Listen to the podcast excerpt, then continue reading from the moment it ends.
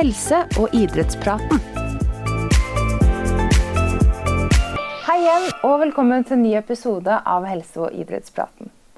Jeg heter Silje Grimsli og jobber som rådgiver på Fakultet for helse- og idrettsvitenskap. Og er programleder i denne digitale fagpraten. Eh, og denne digitale fagpraten og podkastserien er eh, laget i et samarbeid med UiA og etter- og videreutdanningen ved fakultetet.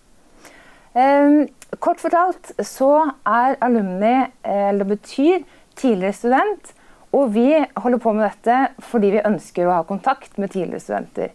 Eh, og vi ønsker også at tidligere studenter skal ha kontakt med hverandre, og egentlig med nåværende studenter.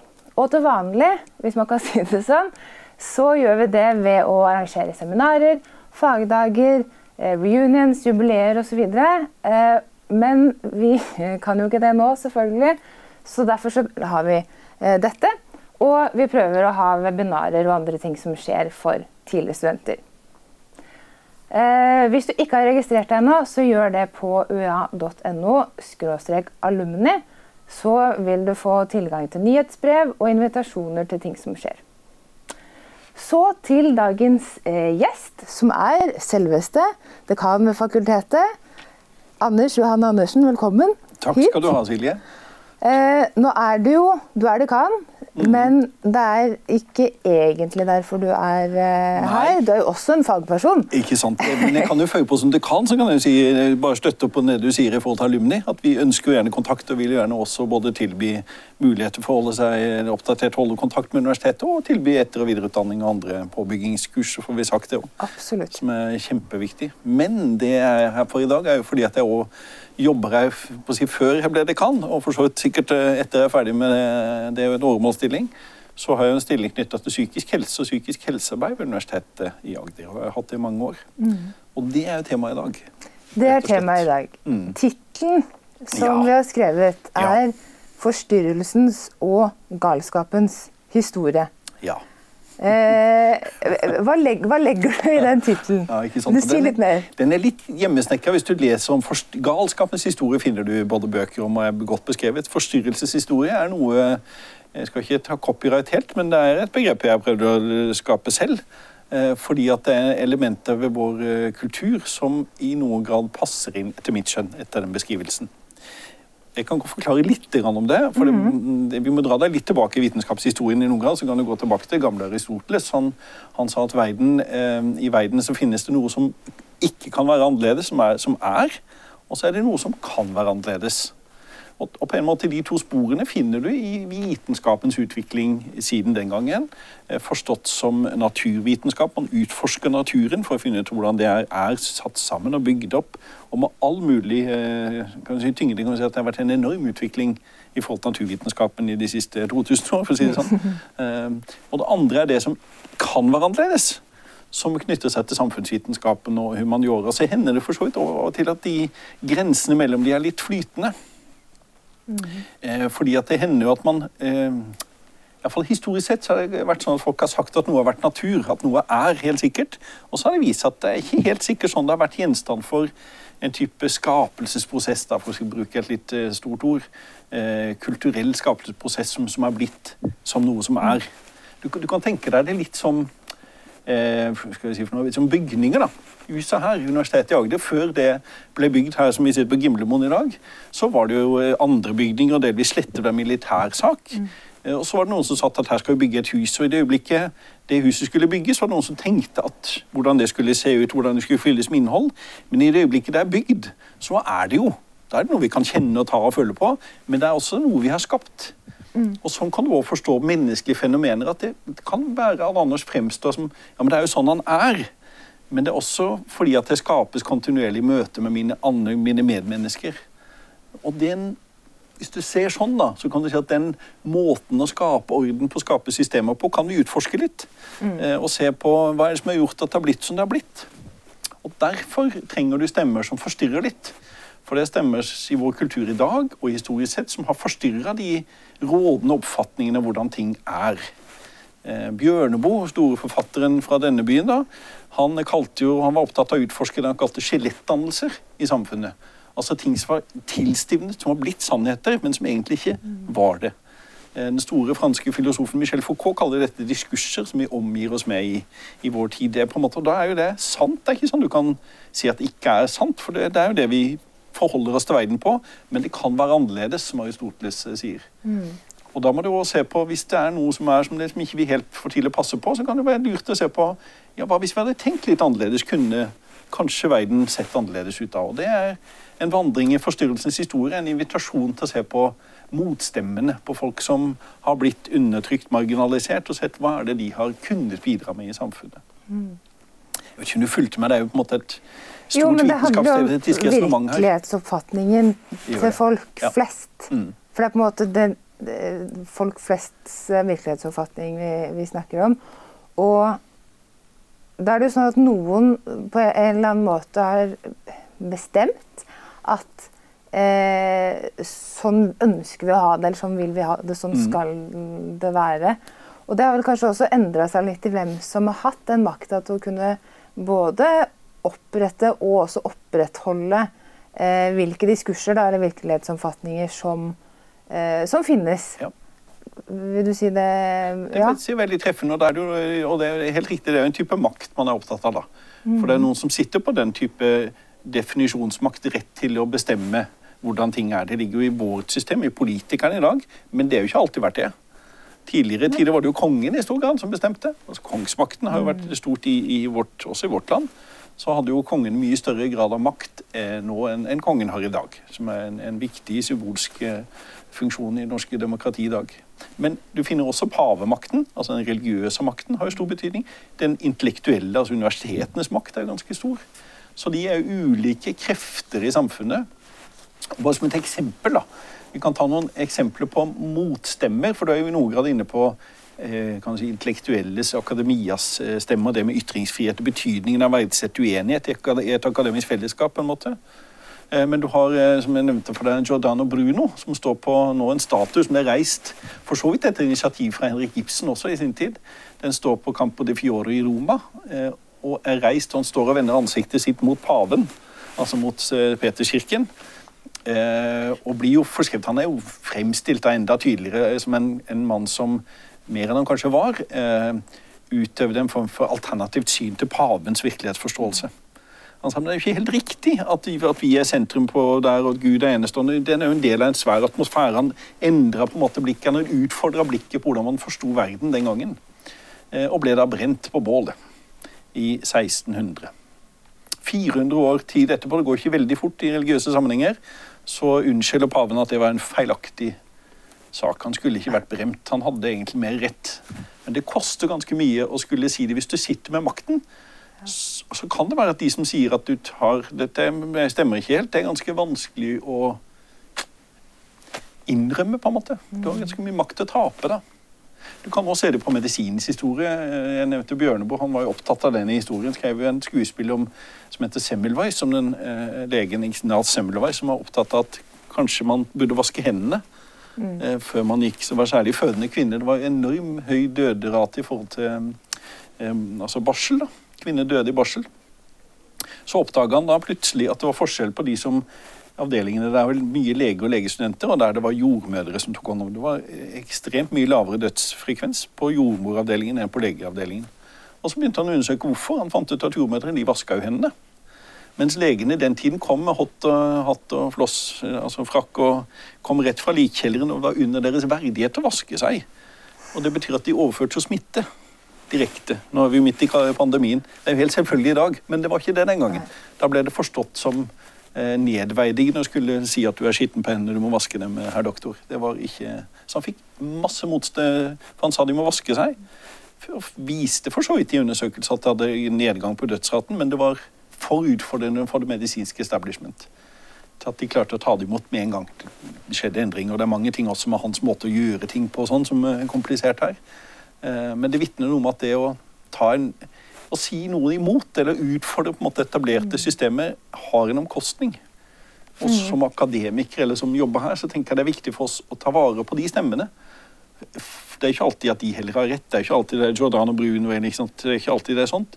Men det gjør oss til å tenke på nytt. Det gjør at vi må se ting litt på, ny, på nye måter. Og det syns jeg er ganske viktig. Ja. Absolutt. Jeg tenker jo, for det, det, er, jo historien vi på en måte skal snakke om, men det er jo også viktig å trekke litt tråder til det som skjer i dag. Ja. Eh, for jeg tenker både de som har makt, men også de som kanskje regnes som forstyrrende eller eh, unormale, eller hva man skal kalle Ja. det, er andre grupper i dag enn det det har vært før. da. Mm. Eh, men I hvert fall kalles de forskjellige ting. ja. Men om det er andre folk, det er jo interessant. Det er selvfølgelig helt åpenbart andre folk. Men det er en ting som eh, Nei, det er noen fellestrekk, kanskje. ja. Kanskje det Men vi kan snakke ja, For at det forstyrrelseshistorie har jo den delen som vi snakker om nå, motstemmer og liksom akademi og sånn, det er jo på en måte eh, Kall det elitens eh, del. Det er jo, det er jo, det er jo omkostningsfullt å bli drept, altså, så det er ikke det at det er uten omkostninger. Men det er jo en del av det som er det jeg pleier å kalle forstummede stemmer. Altså mennesker som er veldig, kommer lite frem i det offentlige rom, og som har utfordra på andre måter. Og det er jo tettere på det som, som noen kaller galskapens historie, eller psykiatriens historie. Eller. Så vi kan godt eh, snakke litt om det òg. Det var jo det vi skulle snakke om. Det var det vi egentlig skulle snakke om. Ja. Ja, for eh, Forstummede stemmer, hvem er det som ikke tør å si noe, tenker du? Ja, godt spørsmål. Å, det er så fine spørsmål, Silje. Så fint. Uh, nei, det, det, det er de tre, tre epoker jeg tenkte jeg skulle prøve å løfte frem, eller som jeg er opptatt av å forstørre, det er en, en forenkling. Helt åpenbart. Men, men det var noen skiller som vi som samfunn har med oss, og som noen har lengre røtter, andre har korte røtter. Alle eksisterer samtidig i dag. Så det er ikke sånn at det ene er borte, men det er noen som er sterkere og mer dominerende i vår kultur enn andre. Men allerede på 1200-tallet, for å dra deg langt tilbake, under Magnus Lagerbøtes lover, så ble det jo etablert et skille mellom det han kalte de verdige og de uverdige trengende i samfunnet. Vet ikke om du kjenner det begrepet? Nei. Det lå i hele lovverket, så var det sånn, og de verdig trengende var mennesker som ikke kunne klare å ta vare på seg selv. Det var eldre, syke, funksjonshemmede, altså på. De kunne ikke ta ta vare på seg. De var verdig trengende, og så var det de uverdig trengende. Det var folk som egentlig kunne klare seg selv, men som av ulike grunner prøvde å få til seg ressurser fra samfunnet eh, uten at samfunnet mente de hadde rett til det. Eh, og det, eh, de verdig trengende ble da tatt vare på stort sett av familien. Eh, hvis ikke de eh, hadde noe særlig familie, så eh, kunne de av samfunnet bli innrømmet retten til å tigge. Altså sitte på gaten og tigge penger. Men hvis du var uverdig trengende, så kunne du ikke sitte på gaten. Da fikk du sterke sanksjoner. Da kunne du bli tatt inn og bura inne. Men hvilke situasjoner, eller hvilke mennesker i hvilke situasjoner var de uverdige, da? Nei, det kunne være folk som egentlig kunne ta De late folk, da. sånn, som ikke ønska de ønska de ville sånn, Syns ikke det var noe greit. Fikk seg ikke jobb, kanskje. Nei. Det er jo mange aspekter ved det, men, men de var ikke syke. De var ikke, ikke sant, definert eldre. De var ikke definert uh, mangla armer eller bein. altså Helt åpenbart funksjonsbegrensa. Mm. Uh, så de var ikke inne under der. og De fikk uh, det, du, finner, du finner diskusjonen i dag òg. Uh, det er jo ikke lenge siden arbeidsministeren den gang, Bjørnar Håkon Hansen, sa ta, ta, ta dere sammen opp om morgenen, sa han. Ja, det man kan si navere. Ikke sant? Ja, for de som hører på podkast, gjør Ikke sant? sånne tegn, ja. Du gjør et tegn. Underforstått at det er folk som egentlig kan klare Ja, seg sjøl. ja. Så det, det er noen ting der. Du finner jo, øh, men, men det var en, en rettighet man hadde før å tigge. Og da hadde òg borgerne plikt til å donere, gi de, de tar vare på de, rett og slett. Du finner òg da at du, de verdig trengende kunne òg sendes på legd, f.eks. Altså på legd heter det. Det betyr at du ble sendt fra gård til gård, at gårdene hadde plikt til å ta vare på de eh, for en periode, og så kunne de sende videre. Du finner det på ja, jeg vet ikke om det er helt parallelt, men du kan si Rasmus på Loffen, Astrid Lindgren, så vandrer jo han fra gård til gård, tar litt jobb underveis. Men det var også sånn at du hadde en, en helt annen sånn rett til å bli tatt vare på i det samfunnet der, da. I den gruppen av verdig trengende så var også det som den gangen ble kalt avsindige. Eh, og det betyr egentlig et dansk ord kommer ut av, av sinn. altså De har mista forstanden. Vanvittige. I dag bruker vi det mest som forsterkende adjektiver. altså Det var vanvittig morsomt, eller det var helt avsindig gøy. eller Du bruker det på en som et forsterkende uttrykk. Men den gangen så var det et substantiv. Det var beskrivelse av noen mennesker. Hvis du følger meg på det. Og de var verdig trengende. De skulle man ta vare på. Etter hvert så ble det Og dette var fra 1200-tallet, varte helt til 15-, 16-, 1700-tallet varte ganske lenge. Men etter hvert som industrialiseringen kommer til Norge og landbruket blir mindre, folk flytter til byene, så blir belastningen på bøndene og på legdesystemet ganske stort. Sånn at de får behov for at andre skal ta vare på dem, og man får fremvekst av det som da kalles dårekister. Eh, og det er små avlukker, ikke store greiene stort sett for å ta vare og I begynnelsen var de sånn for å ta vare på alskens folk, altså fulle matroser eller fulle folk, eller folk som tok forstyrret samfunnsorden. Deriblant også det, du, det som den gang ble kalt de rasende, altså folk med stort sinne, da. Som måtte kreves da om. De ble eh, satt i dårekister. Og særlig i forbindelse med en drapssak i Kristiania, som det het den gangen, i eh, begynnelsen av 1700-tallet så kom det et kongelig reskript. Da var det kongemakten som var stor og bestemte. Han sa i alle hospitalene i Norge, som da var et sånn institusjon for fattigfolk i stor grad, eh, der skulle innrettes eh, avlukke for de gale. Altså såkalte dårekister. Kister for dårene. Og det er rett og slett I Arendal var det for eksempel, som jeg utforska aller mest, så var det avlukker på mye var det, 1,80 ganger 1,50 i størrelse. Og der kunne folk være sammenhengende inne i to-tre år av gangen. For å bli bedre, var ideen. Ehm, det er jo interessant, sånn sett. Ja, ja. Og fryktelig trist. Veldig trist. Veldig trist. Men det, det var den måten å måte, håndtere Det er jo på en måte en, en form for uttrykk for et samfunnsvern. Dette, vi må mm. beskyttes fra disse menneskene. Men deres verdighet hadde man ikke så stort blikk for. De skulle på en måte bare tas vekk. Eh, og det fikk også veldig stor kritikk. Eh, når vi begynner oss, når vi blir selvstendig nasjon på 1814 og utover på 1800-tallet, så kommer det flere rapporter fra Stortinget som sier at det er helt uverdig behandling av mennesker. Og da blir de ikke kalt de avsindige og de eh, rasende og, og sånne type ting, men det blir kalt de sinnslidende. Som har lidelser på sinnet, på en måte. Og det var i stor grad en rapport fra en som heter Herman Wedel Major, som uh, førte til en stor lovmessig endring i, uh, som kom i 1848. Uh, eh, som, som, var en lovgivning som sto i Norge helt frem til 1960-tallet. som lovgivning på det feltet, der man sier at man skal ta vare på de som syke mennesker. Ja. Så fra å være en form for ordensforstyrrelse, liksom bevege seg i landskapet om sjelesorg og biskop og prester og lensmann, mm. så ble det nå makten som vi om i stad, til å definere hva dette handla om, flyttet fra fra den at det handler om ditt forhold til Gud eller forhold til medmennesker og fattigdom og den type ting, til å være et spørsmål om det er du er syk eller ei. Ja. Og da var det du sa i stad, for du sa er du unormal, da kom det veldig opp som et, et skille, nemlig ikke de verdige de uverdige, men de normale de unormale. Ja. Da var det noen som var normale, som var friske til helse og friske til sinns, og så var det noen som ikke var det, som var syke mm. til sinns. Sinnssyke, rett og slett. Og som da legene da på en måte bestemte ja. eh, hvem som var syk og Helt Eller riktig. normal eller unormal. De fikk etter hvert eh, Og dette var jo ikke, det er jo ikke gjort over natta. På en måte var lovgivning over natta, men utover 1800-tallet, første halvdel av Altså mot 1900, først mot andre, andre verdenskrig, så var det stor grad av forhandlinger om dette, der legene både bygde opp eh, professorater på universitetene og bygde opp et nytt fagområde som heter psykiatri.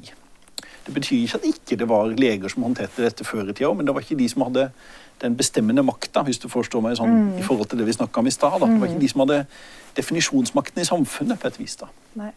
Så nå flyttes det ut, og nå snakker vi om sykdom. Og det gjør vi jo for så vidt i dag òg. Mm. Problemet er fremdeles øh, Kan du, kan du min, min, argumentasjon, da? du lover lov å være uenig, Silje. Men det er ingen som har funnet noen kanskje biologiske eller naturmessige markører, som det heter, som sier at dette er en sinnslidelse, eller dette er den type problemer, dette er depresjon, dette er angst. Det er ingen som har funnet et veldig klart biologisk feste som sier at her ligger årsaken. Man leiter etter det, og har lett etter i mange år. I over 100 år har man lett etter, men ikke funnet noen ting. Og på en måte vil jeg si at man opererer jo her i det feltet som om det er natur. Men, og det er der forstyrrelsen kommer inn, hva hvis dette handler om kultur mer enn natur? Eller kanskje begge deler, eller hvordan skal man forstå det, mm. så vil vi få andre diskusjoner frem. I forhold til hva slags problemer mennesker baler med, da, på et vis. da. Mm. Eh, og, og en jeg sa det er noen fellestrekk, så er det kanskje i første rekke fattigdom.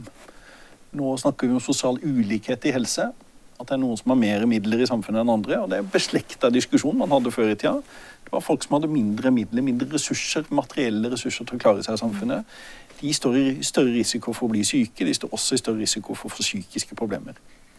Handler det om Det kan jo tenkes handle om at de har mindre ressurser sånn, til å ta seg jobb, til å komme seg i, i sånn, men det kan jo også handle om samfunnets måte å eh, forklare sosial ulikhet på, som er samfunnsskapt. At det er noen som i kraft av at du er født inn i Wien, visse familier får mye mer penger enn i andre. Altså, det er jo, her er vi jo i en annen diskusjon som er mer politisert, for så vidt.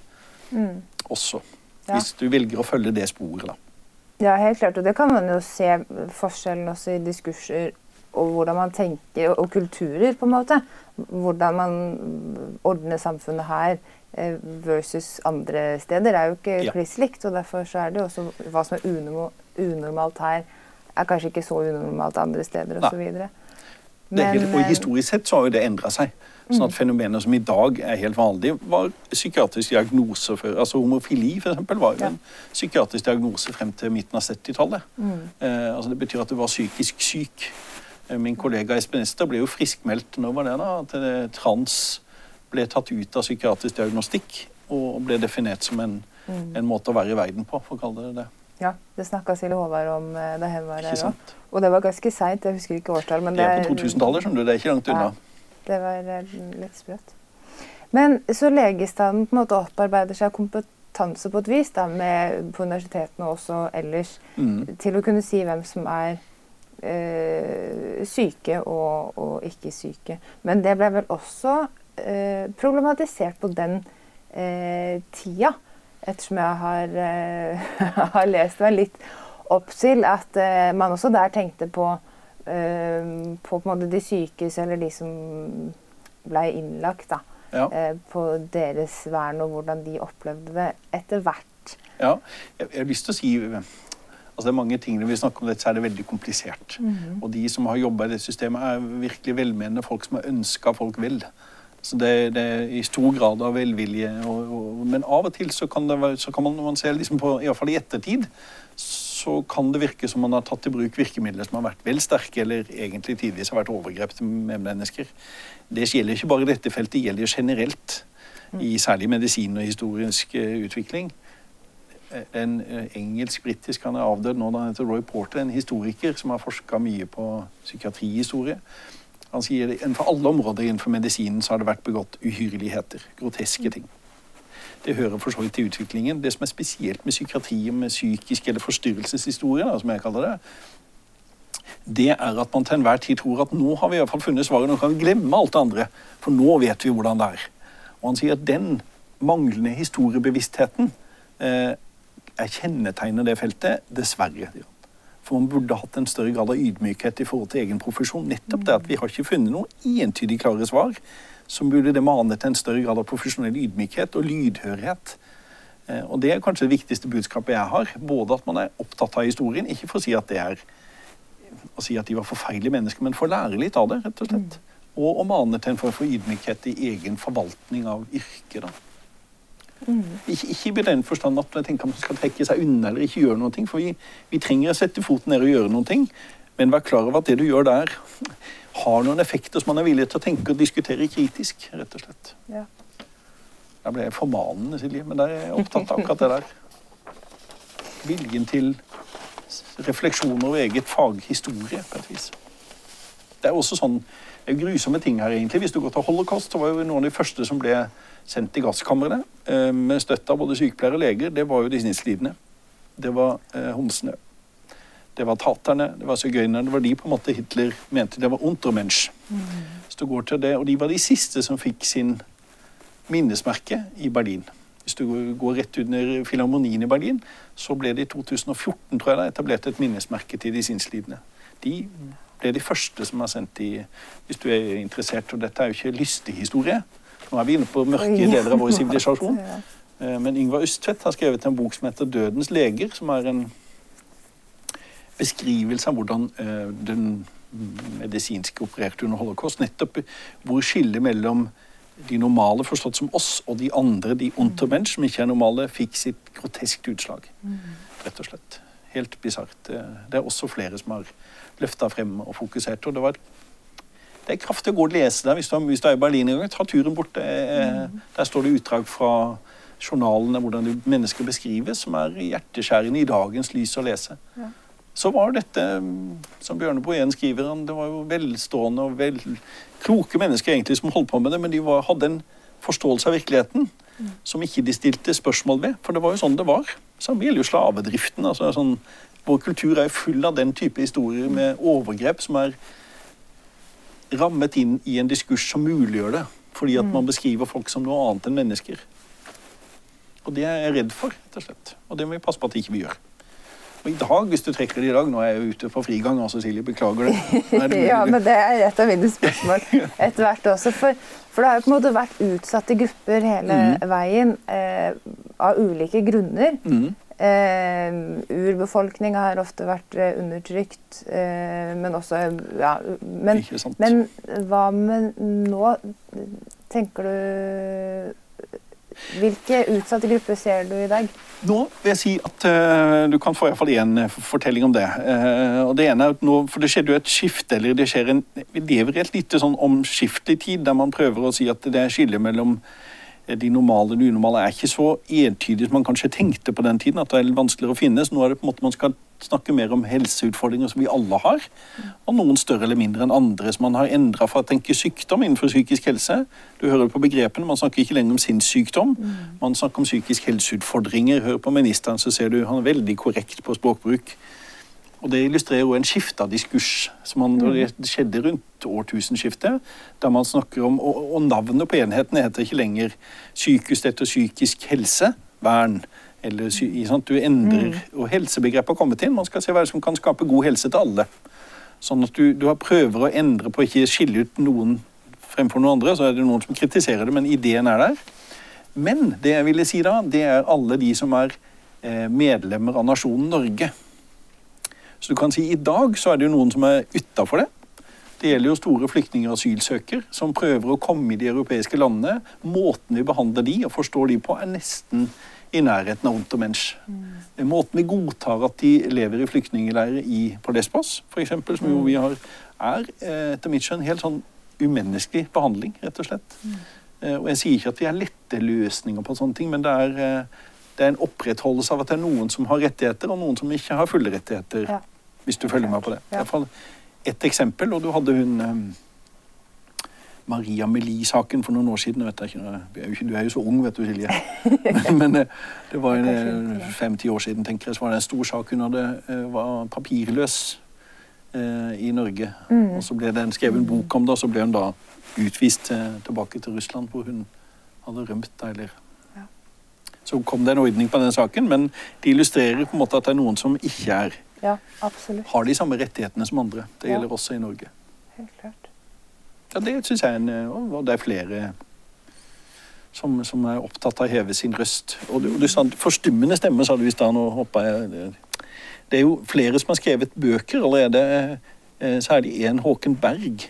Han skrev flere bøker på midten av 20-tallet. Og han ba til og med han forhandla seg frem til å få taletid på universitetets aula for å fortelle om sine forferdelige erfaringer fra psykisk eller fra sin sykehus. Og sa at ingen mennesker skal behandles på denne måten. Det må ta slutt, sier han. Eh, han er visket ut av historien. Han brukes ikke med referansebøker. Ingen, altså folks egne erfaringer er dokumentert fra egentlig første stund og sagt at dette er en måte å tenke på som ikke er noe godt å være pasient innenfor. Men deres stemmer har blitt usynliggjort. Man, man tar det ikke med når man skriver lærebøker eller jobber i akademia. Så blir den erfaringsbaserte stemmen har vært ugyldig frem til slutten av 90-tallet. Så kom den veldig frem. Og da har vi fått noen sterke stemmer og organisasjoner som fremmer denne kan si, erfaringsnære kompetansen. Da. Og du hører hvordan jeg snakker òg. Nå snakker Ja, om men- kompetanse. Og, sånn, ja. Ja, men det er, jo- er vel kanskje eh, Forhåpentligvis da, så er vi kanskje blitt flinkere tross alt. Man er veldig opptatt av å bruke medvirkning i alle, på alle nivåer. Ja. Eh, og det har jo også vært Da jeg så debatten Det er en liten stund siden nå, men det er ikke så lenge. Hvor de diskuterte tvangsinnleggelse, så var det også en som en bruker Eller en som var, har Mhm. blitt tvangsinnlagt da, tidligere, som kom med sine eh, sine perspektiver på det. Og jeg håper at det er noe man i hvert fall kan lære av fordi man ikke har gjort det før. At det er viktigere å se det. Ja. For det, jeg har aldri hørt om Håken Berg eh, før. Jeg har hørt om Amalie Skram. Skram, Mm. som ikke skrev en biografi, men som likevel skrev om sine opplevelser Mm. da hun var innlagt i, i København.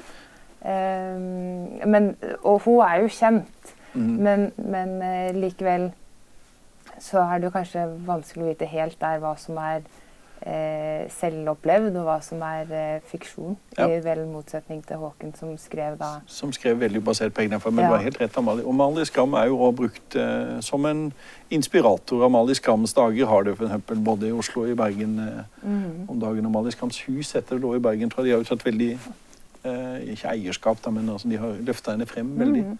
Nettopp fordi at hun peker på maktsystemet, og der var det òg kvinne-mann-aktig i forhold til en mannlig psykiater og en kvinnelig pasient som ikke helt lot seg innordne verken under ektemann eller eh, professor.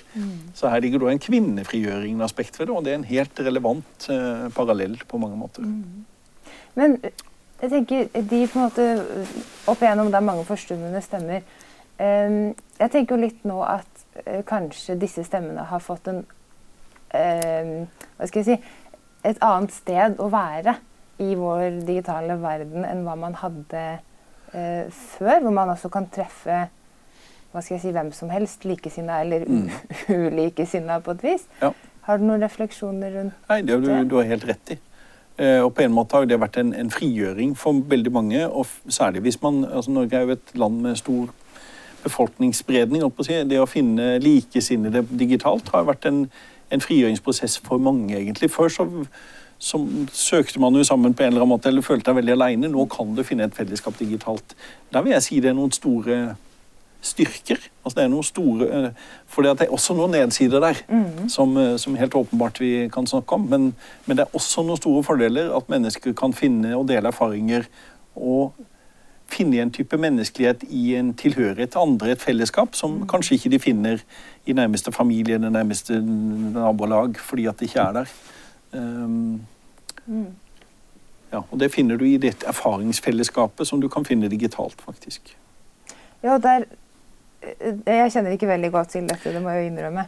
Eh, men men eh, det man kaller incels og kanaler og medier som Mm. 4chan osv., som man kan eh, si er eh, ikke meninger nødvendigvis som ligger innafor vår Nei. felles diskurs. da. Mm. Og så kan på en måte de som er eh, litt utafor, ikke helt enig, Ja. eh, finne da et eh, fellesskap som jo er viktig for alle, å ha et slags fellesskap, ikke føle seg alene, men som likevel eh, noen ganger kan være I hvert fall for oss som står utenfor, litt utfordrende. Ja. Og det, på en måte kan du si det er jo, det ene er at det er mange ting der uten at jeg har vært inne i det. Det må jeg bare si, så jeg kjenner jeg ikke veldig konkret, men det jeg har fått fremstilt gjennom mediene, sånn, så er det klart der foregår det ting som jeg har tenkt at det er litt på siden av hva som er helt adekvat og helt akseptabelt. vil jeg si. Samtidig så er det også viktig å lytte. Hva er det det egentlig kommer fra? At det er en motstemme der. som Det er noen mennesker i vårt samfunn som føler seg på utsiden. Det var jo god TV-serie nå i forhold til unge menn.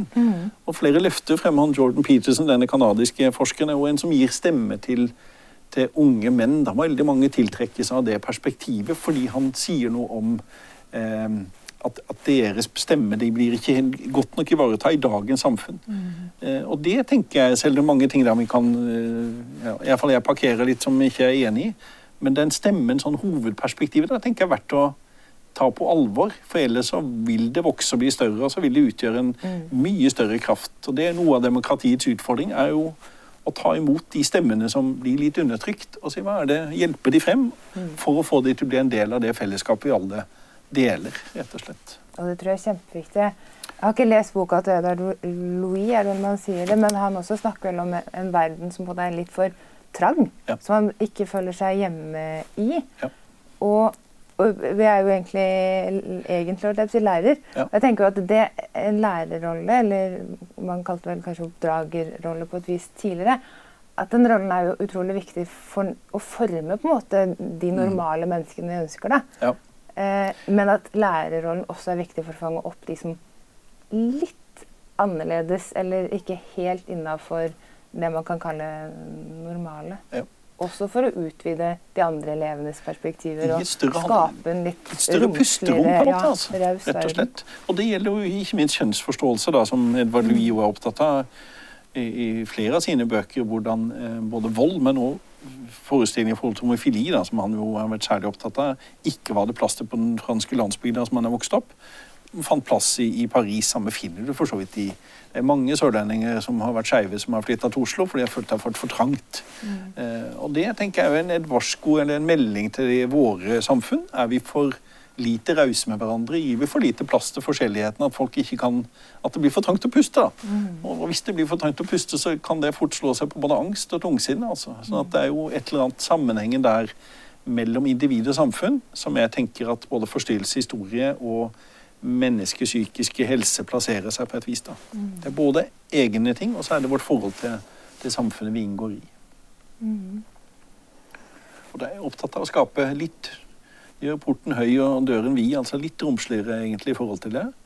Eh, ikke sånn helt utlidende, for det at jeg tror ja, de drapssakene vi har hatt nå, særlig Kongsberg-saken, er jo en illustrasjon på at man trenger et samfunnsvern nå. Man trenger også å ta vare på mennesker når livet blir så smertefullt at du mister virkelighetsforståelsen. Eh, Så det må være et beredskap i forhold til det. Det har det alltid vært, på ulike måter. Vi trenger ikke tilbake til dårekistene. Vi må ha gode steder der folk kan tas vare på når, når livet butter for hardt og folk blir psykotiske. Mm. For det trenger vi som vanlige innbyggere. Må på en måte være trygge på at jeg kan ferdes på gata uten den type risiko. Ja, ja. Eh, fall at risikoen ikke bli for stor. da. Jeg tror ikke vi klarer å minimere den helt, men eh, ja, hvis du skjønner. Der, eh, så der er det hele tiden et forhold mellom enkeltindividets rettigheter og menneskerettigheter og fellesskapets og, og rett til og, og, og krav om beskyttelse for sin Ja. egen verdighet. Da. Ja, og det er en kjempevanskelig balansegang, og hvem som avgjør det og tar liksom siste beslutning på, på de ulike sakene. Ja. Men, Men vi trenger å snakke om det. Vi må hele tida snakke om det. Fordi at det er også i bevegelse, rett og slett, hvordan den balansen er. Ja. Siste spørsmål før vi runder av. tenkte jeg var litt sånn, Hvilke tanker eh, refleksjoner har du rundt altså Hvordan tror du utviklingen av det her fagfeltet går videre de neste årene? Det var et godt spørsmål. Det er jeg egentlig litt usikker på. Jeg er litt spent på det. For på en måte så er det jo trekk Jeg tror jo at disse ulike måtene å forstå verden på og forholde seg til verden på eksisterer parallelt. Sånn at jeg tror du vil ha deler som, som har både sykehus og behandling av mennesker med psykiske alvorlige psykiske lidelser. trenger vi, det trenger vi også, Men vi trenger kanskje også flere andre måter å forholde seg til på. Andre væresteder. Noen sier at vi må gjenreise Folkets hus i betydning å skape arenaer fellesskapsarenaer som har forvitra litt i vårt moderne samfunn. Så du kan se fremvekst kanskje av eh, den type sånn arena for å være sammen. ehm, som er, også har psykisk helsefremmende karakter. Det er folk som sier at den fremste hjelpen til meg var ikke nødvendigvis den individterapien der jeg sitter og snakker med en, en, eh, en eller annen hjelper, men det at jeg fikk være sammen med andre i et fellesskap. Så hvis man legger til rette for det, uten nødvendigvis å lage det til egne institusjoner, men legger til rette for mer kollektive steder der folk For vi er mennesker og trenger å treffe hverandre og snakke sammen, på en måte. Eh, og steder hvor det eh, kan gjøres enda mer inkluderende enn det er per i dag, eh, kunne vært en spore, da. Ja. Så jeg tror det er flere veier egentlig eh, fremover. Men eh, eh, sånne drapssaker, jf.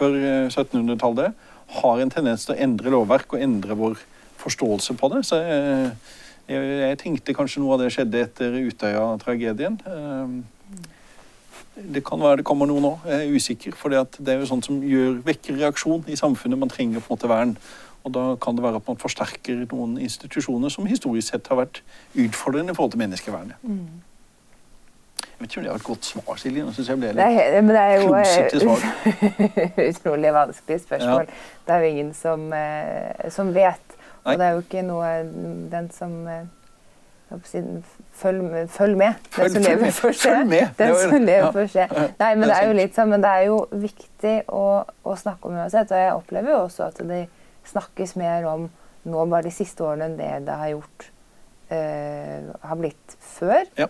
Eh, noe som jeg tenker er positivt. Og så er det viktig å ha med eh, flere stemmer også, da, i, Mm. i utviklingen. At ikke det er eh, kanskje den ene makten, eller hva man skal si, som har enerett på hvordan dette går. Ja, og så tror jeg og den Jeg syns i hvert fall jeg skal ikke si jeg har blitt mer og mer opptatt av det, men i fall, hvis du ser på det historien til den samiske befolkning da, i, i nord, eller midt, er hele Norge for så vidt, så, så er jo det en historie som vokser større, sterkere og sterkere, og er jo et uttrykk for at vi må ta inn over oss hva omkostninger en, en årevis med fornorskningsprosess har hatt med den norske urbefolkningen. Snakk, har vi snakka for lite om, må snakkes mer om. Eh, fordi at det har satt spor i generasjoner. Samme ser du med, med slavetiden. altså I det øyeblikket vi gjør ting historisk sett som har overgrep, så, så, setter så varer det generasjoner. Så vi trenger å holde samtalen gående. Og det tror jeg òg i forhold til overgrep og flyktning og, og den type ting som er- pågår nå, så trenger vi å være oppmerksom på de stemmene. For ellers så Ikke ellers det ut som en trussel, men jeg tror faren for at vi da vi får noen sånne små samfunn som er potensielt ødeleggende for fellesskapet, ikke føler seg godt nok ivaretatt. og Mm. du får, ja. Så jeg tror man må lytte til de stemmene som strever med å komme frem. Jeg tror vi må si tusen takk. Jeg syns det her var kjempeinteressant. Jeg skulle gjerne sitte her eh, lengre. Det er mange Kanskje si vi må om dette. lage en episode til Ja. seinere med sånn fortsettelse, selvfølgelig. Det får vi Ja. se. Men vi tusen takk for eh, besøket. Og jeg håper dere har kost dere med å høre på like mye som meg. Så sees og høres vi igjen uh, seinere. Takk for oss.